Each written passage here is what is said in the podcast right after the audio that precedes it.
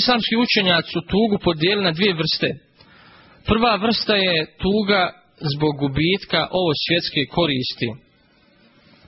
Svaki musliman treba da navikava svoju dušu da prekomjerno ne želi zbog gubitka neke ovo svjetske blagodati i koristi.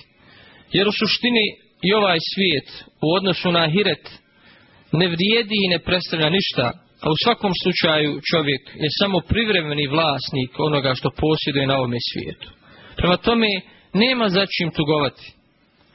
Zbog toga bi čovjek trebao nastojati da što prije nadvlada ovu vrstu tuge. Normalno je da se ona pojavi kod čovjeka, ali ne smije biti konstantna i ne smije biti prekomjerna. Jedan od primjera ove vrste tuge je smrt Allahovog poslanika sallallahu alaihi koja je teško pala i veoma rastužila shabe, prije svega Abu Bekra i Omera, koji su otišli kod Ummu Eimen i kada su stigli kod nje, počela, i ona je počela plakati. Zašto plaćeš? Upitali su je. Ono što je kod Allaha bolje je za poslanika. A ona im odgovori, tako me Allaha ne plaćem zbog toga što ne znam da je to tako, nego zbog toga što je objava prekinuta. Nakon toga su i njih dvojica zaplakali.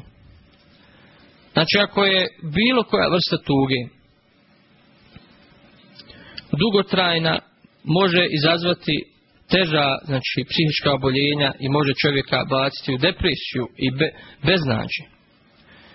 Druga vrsta tuge je pohvalna i preporučljiva, a to je tugova, tugovanje zbog nekog propusta u vjeri, zbog e, stanja vjere i vjernika ili zbog prekidanja nekog dobra kojeg smo činili ili kojeg smo imali.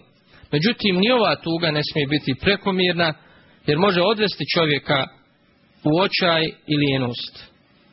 Primjer ove tuge je smrt. Allahovog, znači poslanika, ali salatu wasalam, jeli, kao i ovom primjeru prethodnom, koja je ražalostila shabe, ali oni nisu pali u očaj i beznađe, nego su i dalje nastavili pravim putem i nastavili su da čine dobro.